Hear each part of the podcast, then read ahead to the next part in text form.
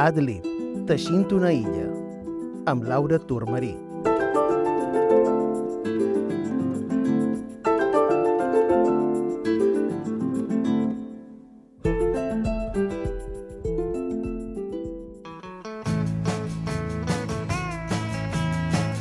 Capítol 1. Les cosidores. When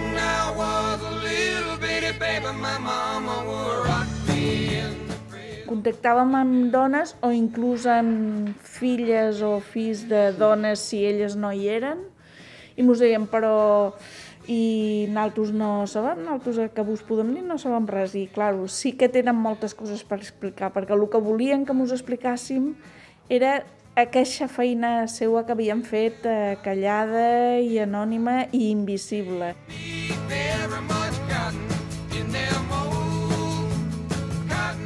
L'any 1971 es crea la moda Adlib, in Louisiana, just about a mile from Texarkana. In them old I la meva mare ja, ja cosia, treballàvem en el camp, perquè s'havia de treballar en el camp, però quan hi havia en l'hivern que no hi havia feina en el camp, o en les calors en l'estiu, es cosia. Bueno, en l'estiu tots els dies i, i part de les nits, perquè de volta se duia la roba allí i un encara no se'n havia anat d'allí que ja estava venuda. Això que parlant d'alta costura i tot això, però si és el que es feia antes, ja s'ha fet sempre. És una modista que t'ho fa tot a mà. Ara se li pot dir un altre nom, però és el mateix o no? Jo és que ho veig igual, imagina't els anys que fas a dir, antes es feia. Llavors va deixar de fer perquè va venir tot confeccionar, però també és gent que ho havia de fer. A veure, digue'm quina diferència hi ha els noms. No té preu, no tenen preu, perquè són joies, coses úniques en el món. una locura de feina. Tot el que hi havia, bruses, faldes, calçons, jaquetes, de tot. De tot, perquè crec que han fet de tot.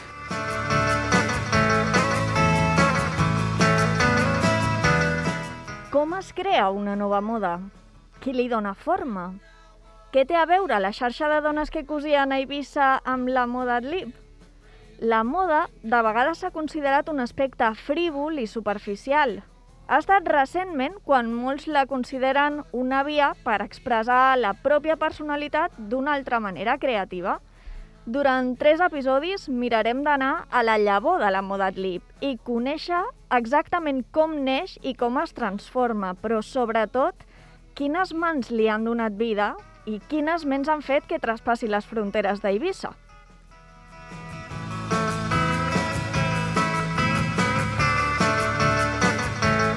Avui ens han donat carta blanca per parlar de la moda Adlib en un any en què fa 50 anys que es va celebrar la primera desfilada. Una carta blanca, no podia ser d'un altre color, perquè el blanc és precisament la senya d'identitat d'aquesta moda que no en tenia de tendències.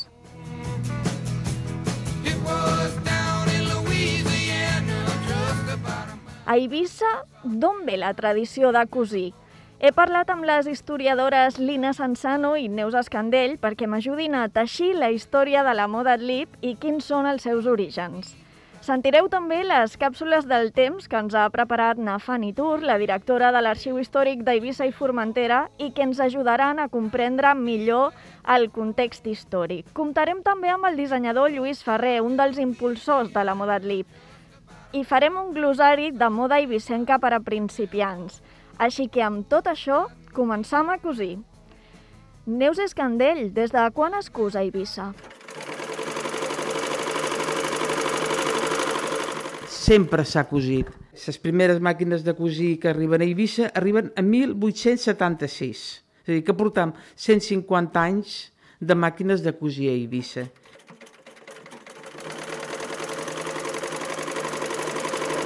I no simplement a Vila, sinó a tot, eh, eh, en el camp, raro és que vagis a una casa del camp i que no vagis una, una màquina de cosir antiga o més moderna, perquè els darrers anys també s'han incorporat ja màquines de cosir més eh, modernes. No? És a dir, no hi havia llum ni aigua, però en canvi teníem màquina de cosir.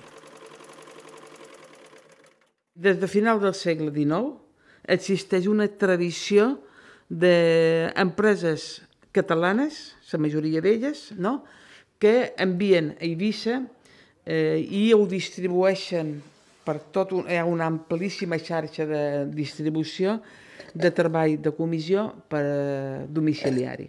És una feina per fer que es reparteix, que no hi ha cap un lloc de dir anem a treballar allí, no eren treballadores d'un lloc, no eren assalariades, sinó que era una feina que feien a casa seva i això casava molt bé no vull dir les dones de vila, però especialment les dones del camp, que les dones del camp totes soles no anaven en lloc, no sortien de l'àmbit eh, familiar domèstic. Per tant, si tenien una feina que podien fer sense sortir de casa seva, els hi anava molt bé. I a totes aquestes feines que feien i es pagaven a comissió, vol dir a comissió de, de, de, de, del volum que tu feies, eh, això, això era ideal eh, per elles.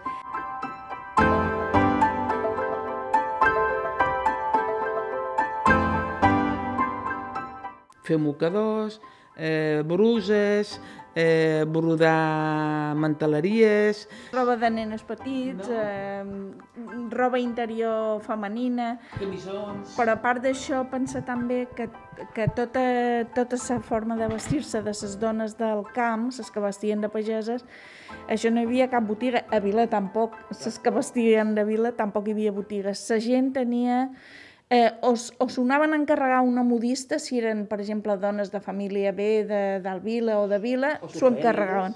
O s'ho feien elles mateixes. No hi havia botigues, no hi havia botigues de, de vestits. I on aprenien? Pues, aprenien a, a cosir. És una tradició que se, de, pare, de mares a filles, de, que, que anaven a casa sa vesina, eh, o a tallers de cosidores. N'hi havia molts de tallers de cosidores. De Santa Lletrudis, n'hi havia alguna a Jesús, i a Vila n'hi havia un munt. Aquesta la mestra Cala, a Vila. Hi vaig cosir dos anys i mig. Jo som la Catalina Guas i he cosit tota la vida, des de 14 anys que vaig començar i vaig acabar a 67 i ara en tinc 92. I llavors vaig cosir per jo. Llavors ja cobrava jo. I cobrava bé o no? No ho sé si cobrava bé o malament jo. Sempre he fet els preus i ningú m'ha dit que no m'hagués pagar. A casa, a Sant Llorenç, jo cosia per, per, per, per qui em duia roba, perquè, escolta, cosia vestits, bruses, pantalons, de tot, de tot el que venia. Hasta que me'n vaig anar a Venezuela. Allà també cosia. Vaig posar el retraret a la porta de l'escala, modista espanyola. Escolta, no havies vist més, més feina mai que vaig arribar a tenir, tu. Vaig haver de buscar una dona perquè m'ajudés, perquè no podia tota sola. Diferenciam entre modistes i cosidores. Modistes és que eh, s'acaba traguent el certificat de tall i confecció. I després hi havia les que simplement anaven a aprendre a cosir, vestilles, en aquests tallers, però que no arribaven a, fer, a treure's el certificat. No? El títol de tall i confecció era algunes famílies directament enviaven ses filles fora, però eren ses menys. Fora vol dir pues, a Barcelona, a Sant Sebastià, a València, principalment a Barcelona. I hi ha diferents acadèmies. Hi ha, per exemple, l'acadèmia que es diu El Ràpido, a València. N'hi ha una altra, eh, a Caixa del País Basc, que es diu EVA, Sistema EVA. I la que ma més majoritària majoritària és el Sistema Sistema Martí de Barcelona. A partir dels 15 anys vaig començar a anar a cosir a Santa Lletruris, a Cana Margarita Negret, que tenia lotes en, en senyals-hi, hi anàvem totes allí, i, i en es, veig que eres 17 anys i mig que ja tenies diplomes de corte en confecció. Llavors havien de fer una peça en paper i una en tela. I tot això ho enviàvem a Barcelona perquè era sistema Martí, que en aquell temps deien que era el millor que hi havia. Ara n'hi haurà de millors, però bueno. I van ser una de les primers que els va venir la menció honorífica. Tenies diploma de, de modista i damunt la menció honorífica de, de lo, perquè si ara no ho cosim tan bé, llavors sí que li cosim bé. Em dic Catalina Torres Urball i el que la gent aquí em coneix més per la Catalina del Mil. He nascut a Sant Eletruris, tinc 78 anys, Catalina, quan va començar a cosir? a partir dels 15 anys. Sempre diu, sí, era un petit ingrés i a més estava molt mal pagada aquesta feina, però hi havia dones que estaven tot, tot el dia treballant. I la nit amb un quinquer, amb un, baix de la llum d'un quinquer, ¿A qué habría ido Silvia a la base de Cabo Cañaveral?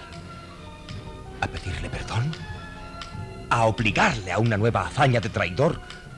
¿O bien, temerosos de que hablara demasiado, la propia Silvia iba a matarle?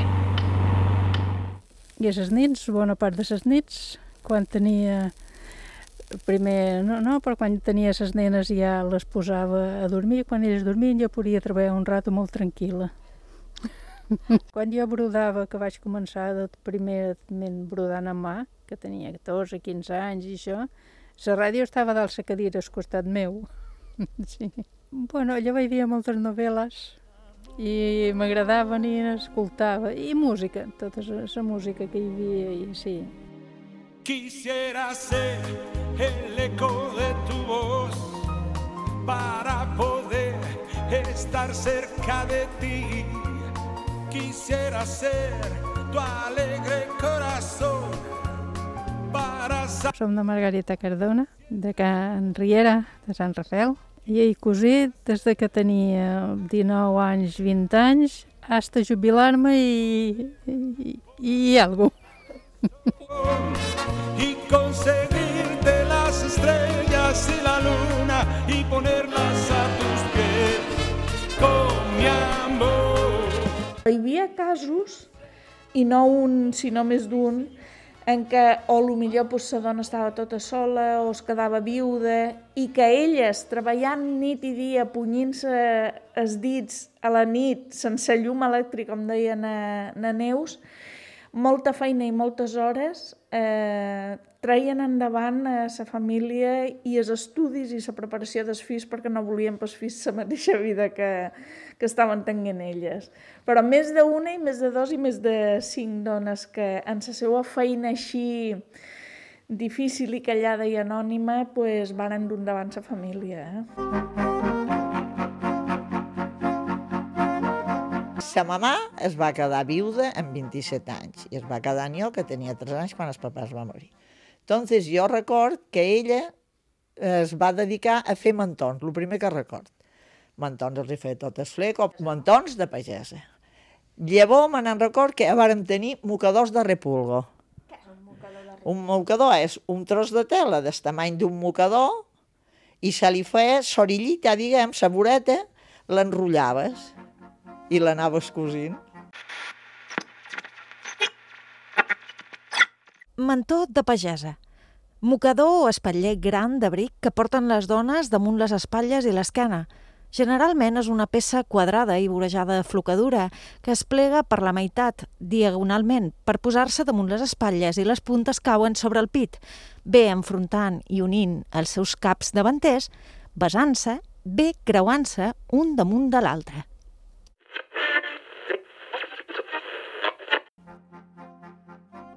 filadores, teixidores, cosidores, modistes, planxadores i tenyidores. No? És tot un... i, i evidentment, eh, brodadores. A més de totes aquestes dones que cosien a casa seua, és cert que a Eivissa, a Eivissa hi havia dos llocs també molt coneguts dedicats a la confecció, que un era Can Ventosa, una indústria que tenia treballadores allí mateix, i llavors hi havia Can Llambies, que estava a l'Avinguda Espanya, i no era com Can Ventosa. Can Llambies podia tenir unes 14, 15, 16 persones sí, sí. treballant allí mateix, però el volum ingent de tot el que feien era perquè ho repartien. A 1870, la família Ventosa distribueix treball domiciliari a Eivissa. Va arribar a més de 100 treballadores, però és a dir, que no, no sempre tenen les mateixes treballadores, no? I és l'únic lloc que va dir, és a dir, Can Ventosa, eh, pues, es comença la guerra civil en Can Ventosa en vaga. L'únic moviment sindical de dones a Eivissa va ser a Can Ventosa, no? que es va crear la Unió Obrera Femenina eh, l'any 1936, eh, eh, eh, 36, el mes de març, la Unió Obrera Femenina.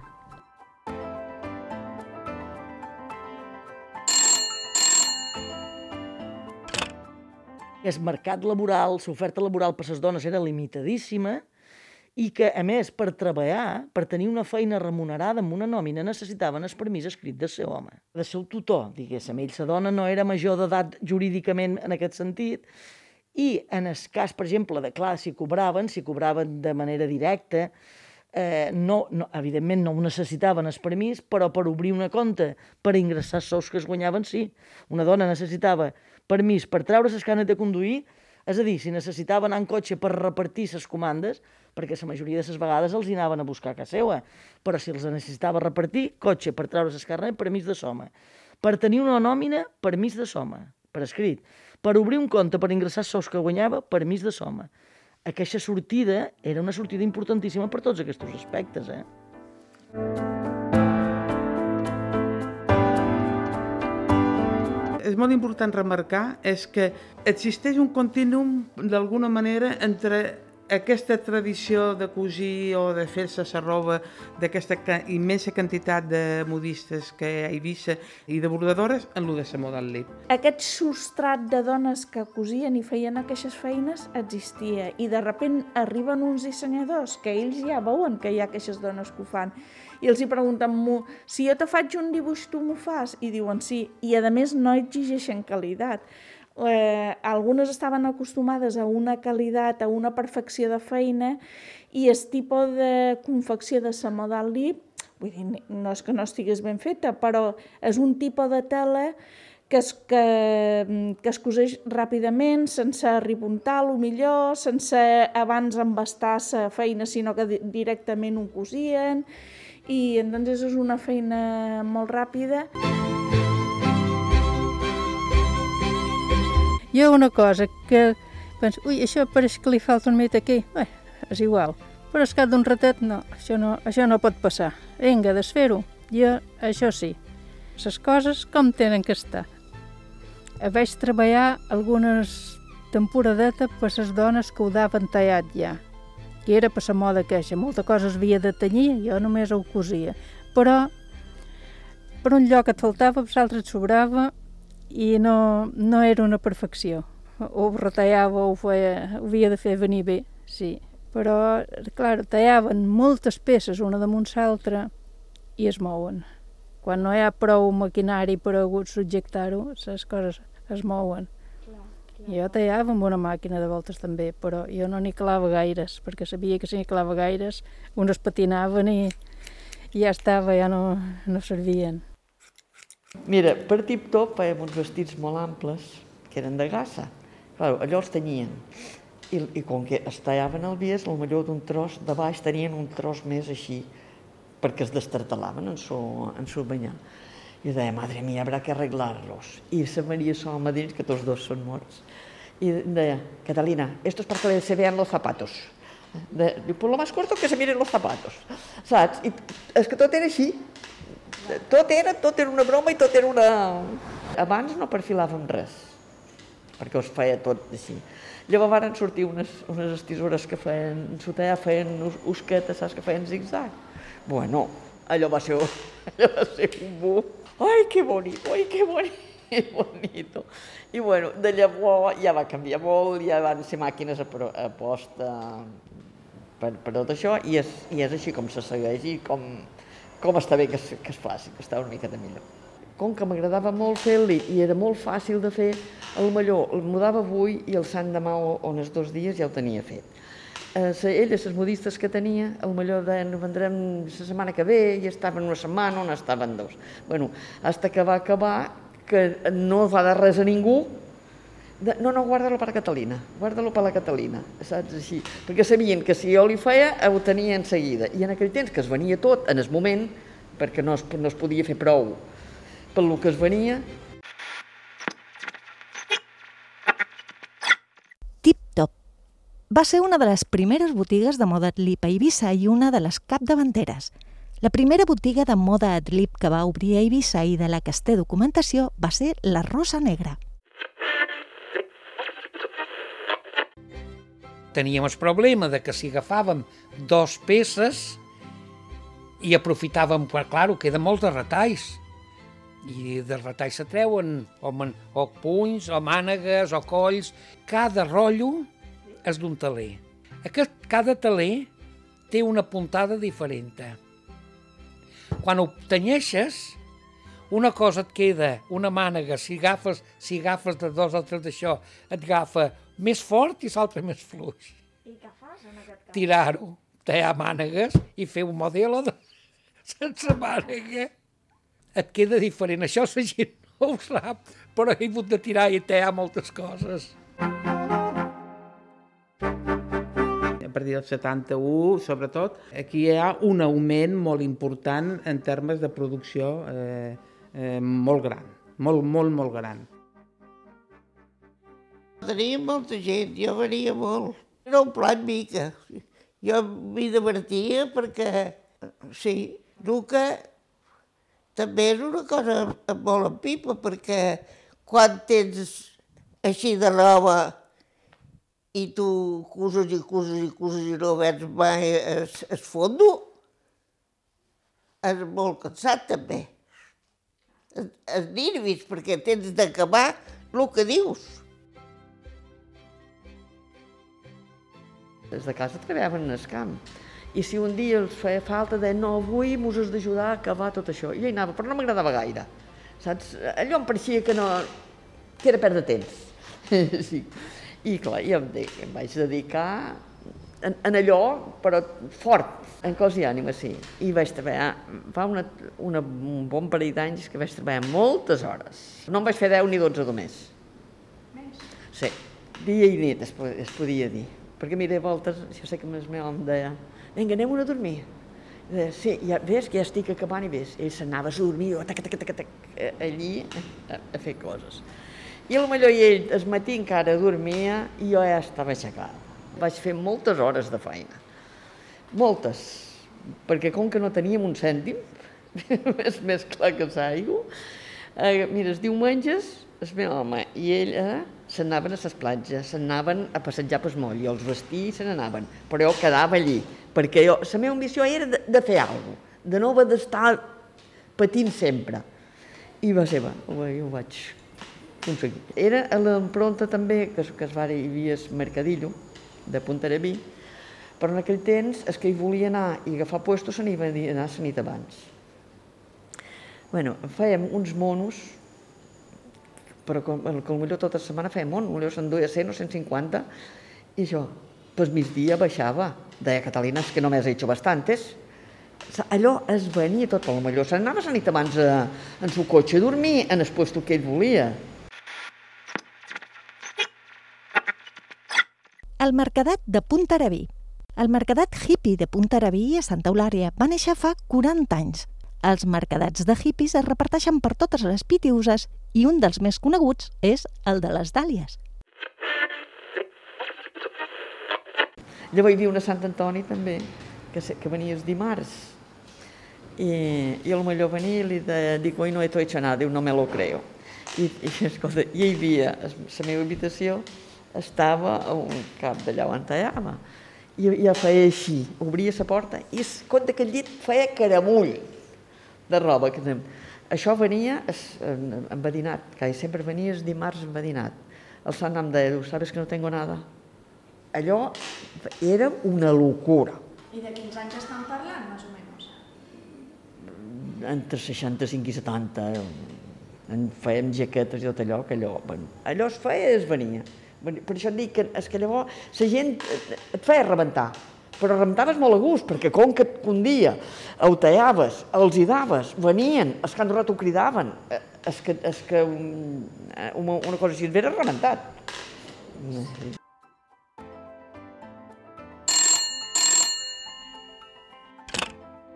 que s'inauguràs l'aeroport, eh, clar, eh, i començassin els vols internacionals i tot això, fa, eh, eh, és evident que és una conseqüència d'una cosa que ja estava passant, però a la vegada un facilitar obrir la porta. Estàvem en una Espanya amb una dictadura, a pesar dels plans de desenvolupament i dels tímids simulacres de llibertat que Eivissa els va servir molt bé per donar aquesta sensació de que eh, mireu, no, no és una dictadura, Eivissa és el paradís de la llibertat.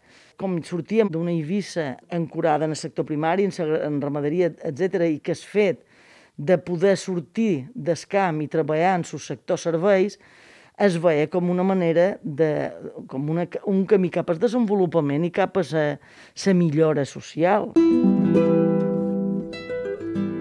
Teixint una illa. 50 anys de moda Adlib.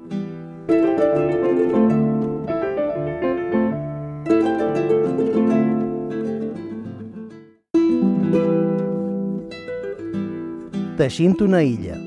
50 anys de moda Adlib.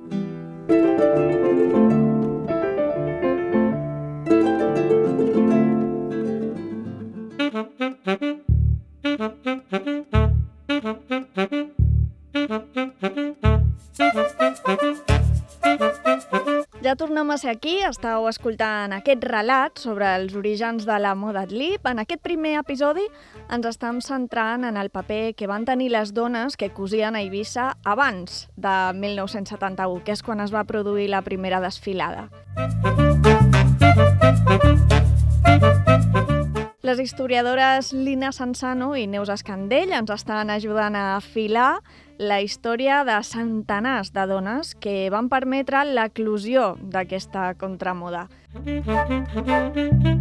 Cosidores com na Catalina Torres, na Catalina Dalvila, na Catalina Guasc, na Margarita Cardona de Can Riera, són només un petit exemple d'una amplíssima xarxa de cosidores que van passar de l'àmbit domèstic a treballar per les primeres botics.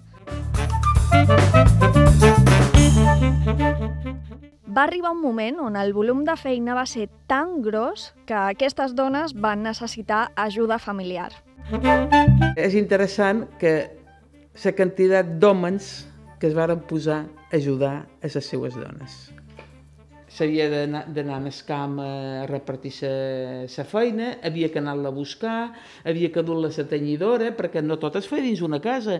A una casa es podia cosir, però a vegades es tenia una altra.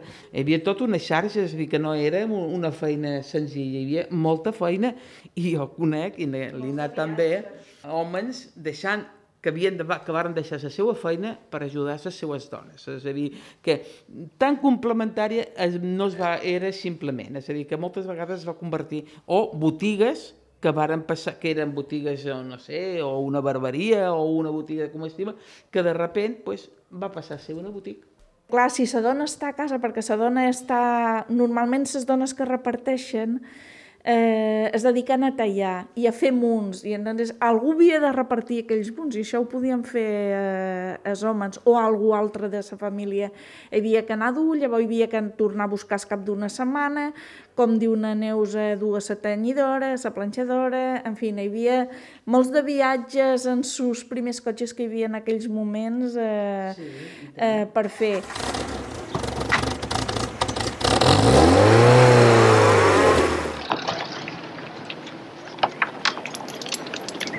En su cotxe al campo.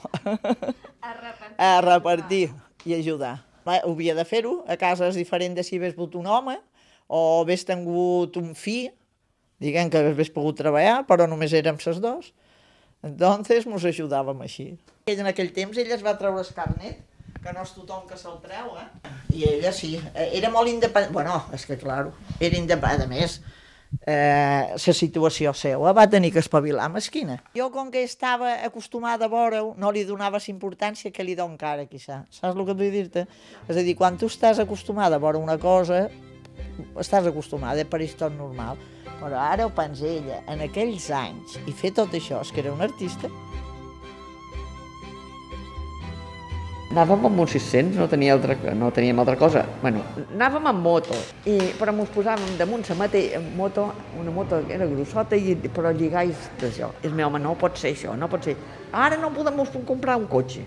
Ara hem de fer això perquè ho vam fer. Bueno, al final mos compràrem uns 600 de mala mort, perquè per, que, que vaig arribar a Santa Lletrúria, mos han comprat, eh, hem comprat uns 600, però no ho digues, i el d'aparcar un, una mica fora del poble perquè no riguessin de naldos, perquè em pareixia que reirien de, de naldos. Però bueno, allò mos va anar, mos va anar bé, perquè m'ho era posar uns tres. Llavors venia el meu home a la nit, i, perquè no volia fer escarnet, perquè no tenia temps. El meu home ha fet escarnet, no, que, que no tinc temps. I un dia m'ho anaven cap a casa i mira, l'has de provar de dur. És que no m'agrada perquè no tinc temps. Mira, diu, agafa'l, sé que m'ho has posat. Bueno, de sentir-lo vaig posar. En compte una volta, en compte de, de frenar, vaig accelerar i vaig passar per, per una figuera i, i, i una ametller. Dic, escolta, t'he dit que no el volia, que no el volia fer, així que agafa'l tu. Bueno, llavors esperava la nit per anar per les cases que anàvem, per Sant Mateu, per Sant Teretruris, per Sant Miquel, anàvem per tot, com allò arribàvem a la una o a les dues de repartir-ho. I, I llavors Sant Demà tornàvem a buscar-la.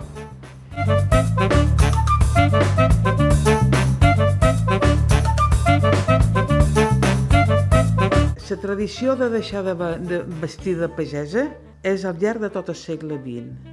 El fet de que l'any 12 el Congrés Agrícola hi hagués aquells grups folclòrics, això ja ens està donant la pauta de que alguna estava passant en su vestimenta de pagesa perquè hi havia una percepció de que allò es podia convertir en una vestimenta folclòrica. Eivissa és un dels llocs que més tarda en desaparèixer el vestit de pageses. És a dir, nosaltres hem vist, és a dir, encara eh, hem vist en Boig, hem vist en Maritur, fa 10 anys o un poc més. Eh, 2006, en 2006, Camp de Vista, 76 pagesos. entrevistes, se'n van, n'hi van quedar 3 i encara hi havia 80 pageses. A dir, Eivissa és un dels llocs que més tarda en desaparèixer el vestit de pagesa.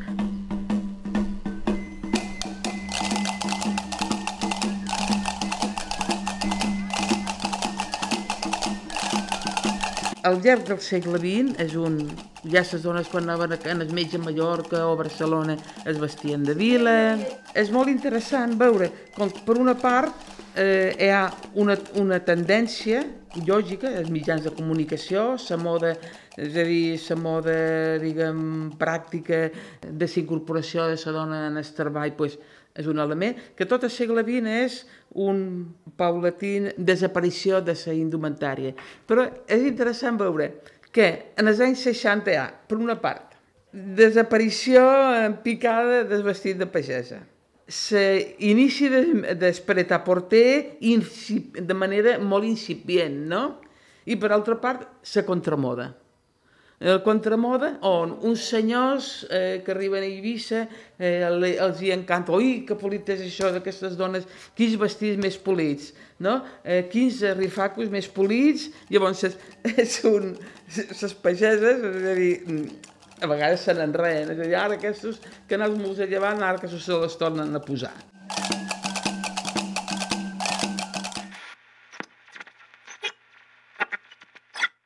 Rifacu. Castellanisme emprat a les pitiuses amb la seva variant rifacu i altres desemblants per referir-se als faldellins o enagus. Amb aquesta paraula s'al·ludeix a les faldetes de colors variats que es porten immediatament davall al faldar exterior. Amb aquest nom també es designen tots els faldars de caràcter interior, fins i tot el de color blanc, que en comptes de posar per sota de tots ells, com la sinagua pròpiament dita, passa normalment a ser el refacu i faldellíssime.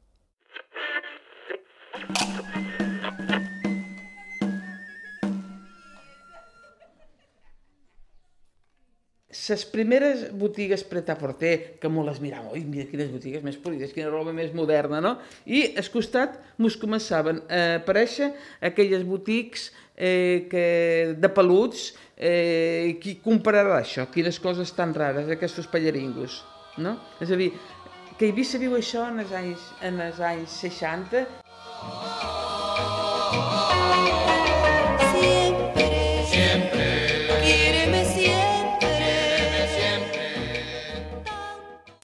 Eh, molt senzill i molt... Eh, la gent anava en rebequitas i s'estrenava unes, es- unes sandàlies per corpus, eh? I un vestidet. Llavors ja va venir la època que la gent més d'això, que varen fer pel·lícules de Brigitte Bardot, i es duia uns vestides de Vichy, aquest quadradet, amb molt de can-can. I les al·lotes de que anaven a casa tia Pepa a brodar, totes venia que apareixien tal les camilles que les mares com a loques en, planxant a posar-los aparells d'aquell i que venien en dos o tres faldellins i bueno, apareixien bailarines.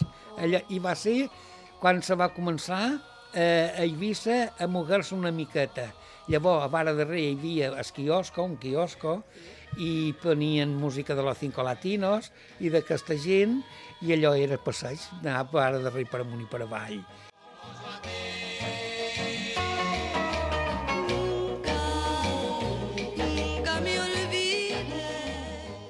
No s'hi vestia gaire, no, no. Jo, jo la feia i no m'havia calat mai. M'ho havia provat de vegades per veure com quedava, i, però no, era un tipus de roba que no estàvem avasats i no... I jo crec que gent d'aquí no la comprava molt. Ara la que venia, sí.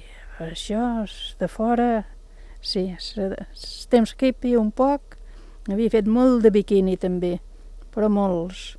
I allò també se venien molt, molt bé.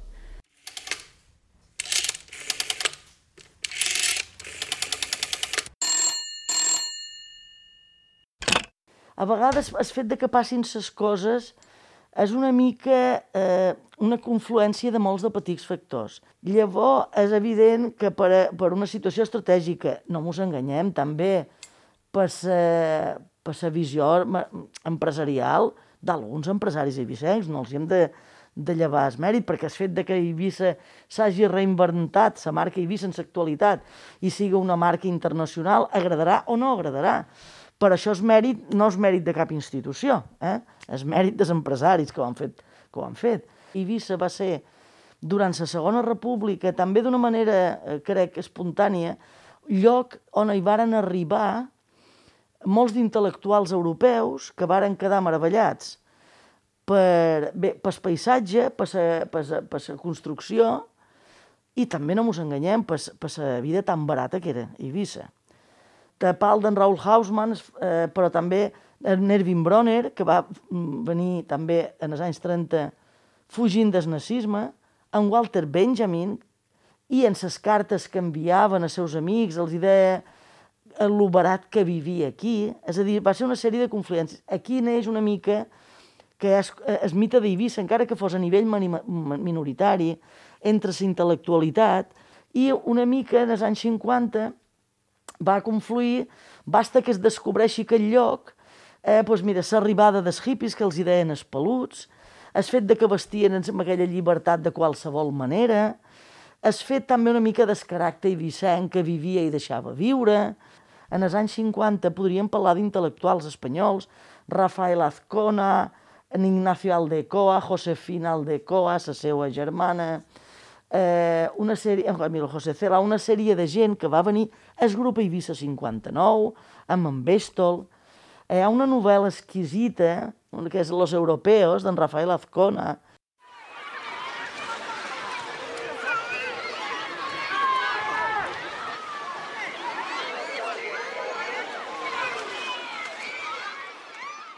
Conta una anècdota en Rafael Azcona en Los Europeos, ell se va establir a Sant Antoni, que estava prohibit el biquini, llavors què passava? Ses, ses dones, les estrangeres, anaven en biquini, i quan venien, veien passar, arribar una parella de la Guàrdia Civil, s'amagaven dins l'aigua perquè els hi tapàs l'aigua, els guàrdies civils feien, o la policia, que no se n'enteraven, passaven per la badia, per la platja d'Espoet, seguien caminant i ells sortien i seguien. Vull dir que hi havia permissivitat, però ja dic, ja li interessava en el règim eh, donar aquesta imatge, mira, no som una dictadura, i vistes el paradís de la llibertat.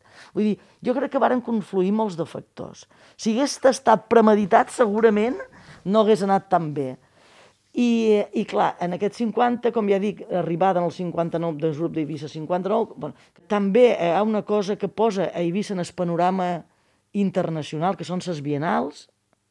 Eh, L'any 64 la primera Bienal, i aquestes bienals internacionals, a Eivissa cada dos anys era punt de trobada d'artistes internacionals de primeríssim nivell.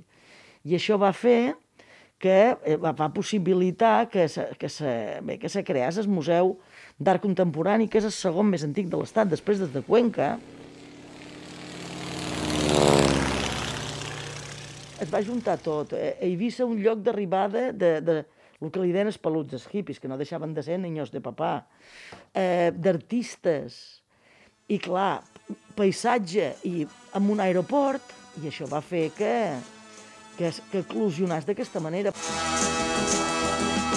El turista 1.999.999 cuando llegó se lamentó deprisa del avión con su mini pantalón se ha perdido la ocasión de tener las atenciones que por suerte le brindaron al turista dos millones. en aquest moment que estava a l'obertura de tot. Era facilíssim. Eh, Qualsevol cosa, eh, vienes a Ibiza, era anar a la platja, a Salines, a nedar en cuní, eh, que llavors venia la policia, la Guàrdia Civil i mos duia tots a quartelillo, dos voltes ja m'hi van dur quartelillo, eh, que llavors els restaurants mos havien de deixar es, es d'allò, com se diu, els, els mantelets per posar-nos per anar a buscar, llavors anar a puja a buscar la roba. I això era superdivertit. Això va començar a Eivissa sent així. Eh? I tot el raro venia a Eivissa. I varen ser, primer de tot, els hippies.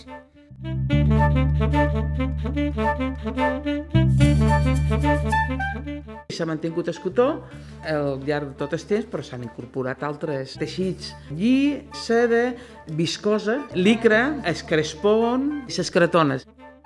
Les cretones va ser, és a dir, era una tela estampada, estampats molt polits, que servia per cortines, per fundes de, de les màquines de cosir. Tot això estava passat de moda, és a dir, no s'usava. Però, eh, eh, clar, era l'època dels estampats, és a dir, el flower power era eh, molt colorit. Són dos moviments paral·lels, eh, eh, la contramoda d'Eivissa i el flower power als Estats Units. Ja els fabricants les havien deixat de fer. Les quatre cretones que quedaven eren a les botigues quatre morts que totes les botigues sempre han tingut morts. Pues una la cretona, en els anys 60, als principis dels anys 60, no era més que un mort dins les botigues. Però eh, pues, aquests dissenyadors que van arribar a Eivissa d'aquests anys mm, 60 van rentar les botigues d'aquests morts. I un dels grans problemes d'aquests anys va ser que les fàbriques no existien ja. És a dir, la contramoda d'Eivissa coincideix en la desindustrialització de Catalunya. Ningú les feia i buscant catàlegs, és a dir, nosaltres vam trobar un catàleg de l'any 29, de l'exposició de l'any 29, eh, a Catalunya, no? I aquest va ser un catàleg fantàstic i unes cretones eh, molt polides eh, que varen donar la volta al món, perquè jo, quan estudiava a Califòrnia, veia gent per eh, la universitat que portaven les cretones de casa. La roba els agradava molt, perquè a més vaig, quasi sempre vaig treballar en cretones. En aquell temps feien moltes coses de flors, moltes flors, moltes de coses de semilutos.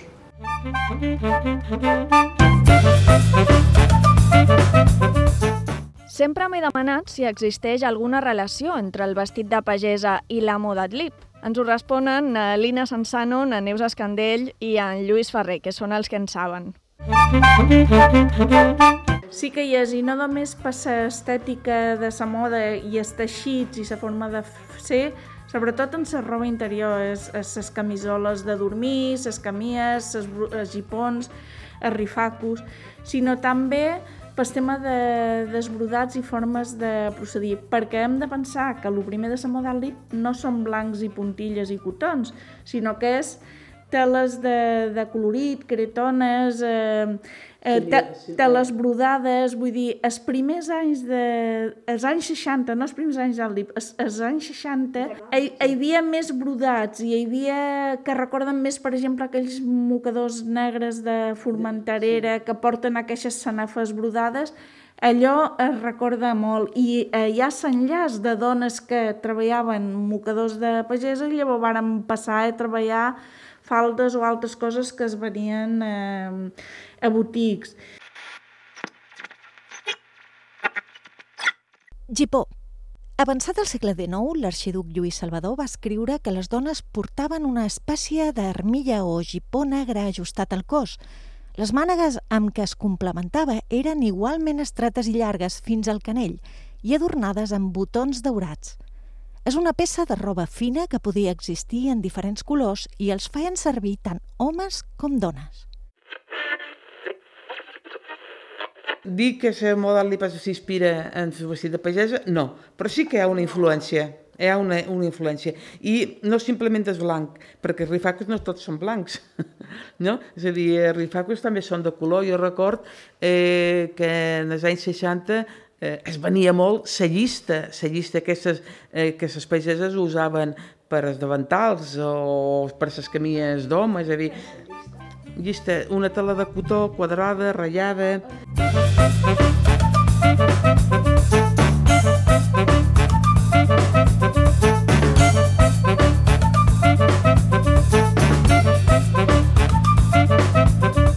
La roba de pagesa no, no mos va inspirar per res, per res la moda atlip. La moda atlip mos va inspirar més, els hippies que varen venir, la gent que va venir de, de fora amb idees noves, i els quatre que mos varen tornar més locos i mos en fotíem de tot i érem els que els únics que, que han set els adelantats en aquell moment, però no hi havia, no hi havia per res la roba pagesa que mos recordàs a la moda lip. Sí, sí, que hi havia molta gent que ho copiava, però en, hi va haver una temporada que, que la gent anava molt alerta en s'ho en s'ho copiar. I si hi havia algú que ho copiava, si mateix ja el posaven, ja li deien, anaven allí, mira que això no es pot fer, anava una miqueta més, més alerta, la gent. Però, bueno, ara ja, la gent ja et, com, et compres vestit, a casa m'han endut vestits que no els han fet naltros per copiar, deim, no, aquest no es pot fer perquè, perquè ja l'han fet. Eh, home, és que també els clients els has de conservar. Va, perquè si un cas de, tu vens i et un vestit i que te l'estimes tant i que llavors saps que el fas sempre una malta, no estaràs molt contenta o, o t'aniràs i no et veurem més. Això sempre ho vàrem cuidar molt bé. Per això no, mai vàrem posar botiga. Perquè si era taller, que es, que es veu un d'una botiga no mos dirà ses idees, perquè pensar, si tenen botiga la faran per ells. Amb això sempre ho vàrem tenir bastant en compte. Sí. No vol dir que al final tot pareix que sembla, però ja no es pot dir que siga exactament igual. I què passarà al futur? La gent jove encara cus? Sap cosir o té curiositat per aprendre? La gent jove ara no n'aprèn, per això, això, això s'anirà. Perquè la gent jove, primera, que no n'aprèn. Segona, en què n'aprenga, mm, com que no hi té, no hi té pràctica, no, no pot guanyar, perquè no hi ha ningú Mira, jo ara he de de ensenyar una lota que diu que li agrada molt tot això, mm, m'estim més que no, perquè em destorba més que no, que no el que ella pot adelantar. Vull dir que mm, això és perquè en aquell temps tothom cosia i tothom tenia ganes de cosir i de fer, i ara no... Ara gent jove no n'hi ha. La meva filla, el Salsiga, si jo li de fer aquesta vestilla, me la fa ella. Si mateix no era tan torpe com són ara, que ara no es passen posar un botó, perquè no saben. Eh, Mira, jo mateixa, no sé ni posar una cremallera i vaig i tinc gent que m'ho fa. Mira, no importa anar més lluny. I com ha passat en molts àmbits, la pandèmia ens ha obligat a parar i molta gent ha trobat altres maneres d'explorar el seu talent creatiu. Hola, som Lina Turbonet, violinista. Som filla d'Antonio Turmarí, eh, de Can Boter, que era clarinetista i vicenc, i de Maria Bonet Planells, que era una modista que es coneixia com Marieta de sa carrossa.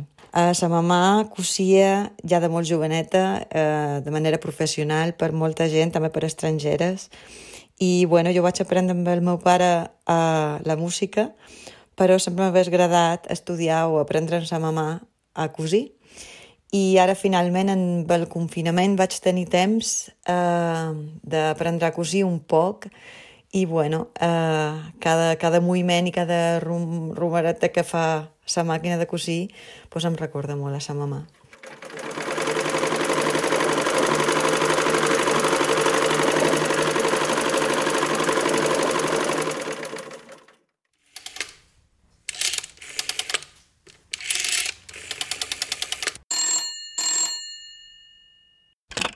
Resulta més barat encarregar-ho a fàbriques. Això són un dels efectes de la globalització.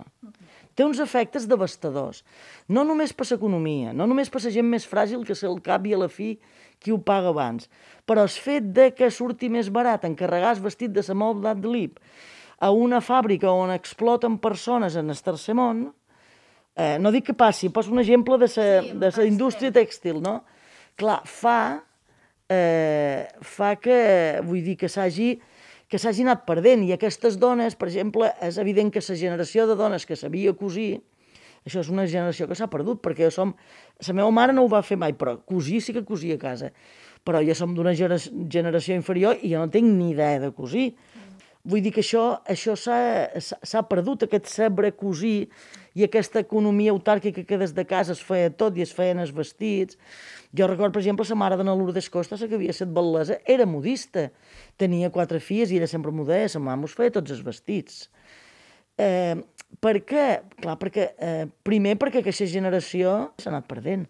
I clar, i eh, ara, primera, que és més barat encarregar-ho a tallers on està tot més, eh, diguéssim, més en cadena, però a part també, ara hi ha molta cosa amb etiquetat de l'IP, m'entens, que no és originari d'Eivissa. És, és a dir, ja és un blanco ad lib, eh, estilo ad lib, i, no, i pot ser que no, no hagi passat per Eivissa ni la tela, ni estiga dissenyat per un dissenyador eivissenc de moda ad lib, seguríssim. És a dir, dins de 100 anys algú estudiarà els efectes eh, eh, econòmics i laborals de lo que va significar eh, la moda ad lib. una visió des de l'antropologia de gènere per explicar aquesta feina invisible i anònima de les dones ibicenques era molt important i que no s'emportassin només les eh, medalles els dissenyadors, eh, que també, vull dir, si un dissenyador és bo, doncs, eh, té, té tot el mèrit i se li ha de reconèixer. Però que tot això va ser possible per tantes i tantes dones que teixien, cosien, tenyien, planxaven, brodaven, eh, i, i pens que algú té que, algú té que poder dir. La idea del llibre és, inicialment, era model lib, però jo vaig considerar que jo no volia fer simplement model lib, que, jo, que hi havia un enllaç amb el passat i que havia que donar-li una coherència, és a dir, que la model lib no sorgeix així per, per així, sinó que forma part d'una tradició secular i en aquest sentit la varen voler lligar una cosa en salta. La inventora de la model lib és la senyora Esmir Halovic. Bé, això per als qui no saben que la tradició de cosir a Eivissa no és de l'any 71, sinó que ve molt, molt, molt enrere. I fins aquí el relat dels orígens de la moda lip. Són moltes, moltíssimes les dones que formaven part d'aquesta xarxa i avui n'hem pogut sentir una petita mostra i coneixen algunes d'elles.